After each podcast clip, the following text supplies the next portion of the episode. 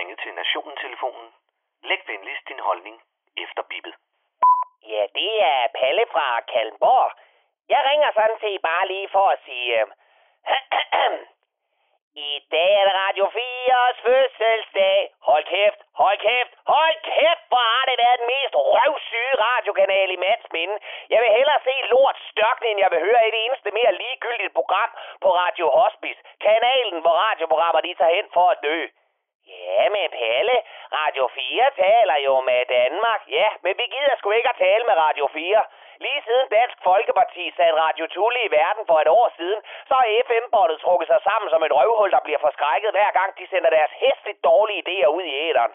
Og hvad er det så for noget, Radio 4 sender ud? Det er ring 1-programmer, hvor Biver for Tølløse giver sit bud på, hvordan vi kurerer kræft, og en Grete for Struer, der har en holdning til elløbhjul og kødpålæg.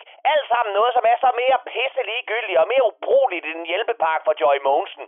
Og som om det ikke var nok, så er samtlige værter så jyske Aarhus klingende i deres radiostemmer, at man nærmest kan se plovfugerne rasle ud af højtalerne til tonerne af Knacks og Thomas Helmi.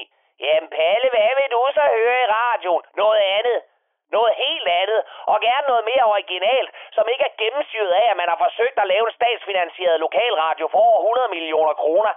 Jeg vil da mere en skrub skide på, hvad tilbagetrækningsreformen har konsekvenser for Orla for Lunderskov, eller hvad verdensmålene betyder for de lokale fluefiskere i Frederikshavn. Det kan folk skulle læse om i en lukket Facebook-gruppe. Det skal kraft og med ikke være noget, som skal sprøjtes ud over samtlige skatteborgere i landet, som et komshot i en lavt budgetteret pornofilm. Men Palle, nogle gange, så skal jeg jo prøve noget nyt, og Radio 4 prøver jo virkelig at lave nærværende radio for den almindelige dansker. Ja, og Lars Aslands hat, den er rigtig flot. Den radiokanal lyder som resultatet af en projektue på Journalisthøjskolen, hvor eleverne har fået stisolider. Det er så pisse tandløst og uden spral, at man simpelthen må spekulere i, om programcheferne lider af dårlige nerver, eller er blevet lagt i kunstig koma af Anne-Marie Dom. Radio 4 har skræmt flere lyttere ud af FM-båndet siden 24-7 lukket, end der er bøsser til en Birte Kær-koncert. Og hvis man kigger på ambitionsniveauet på Danmarks nye taleradio, så stopper de ikke deres terror, før lytterne er flygtet over til Radio Loud for at få radio med bare en anelse livsglæde. Ved du hvad, jeg tror faktisk, jeg er enig, Palle.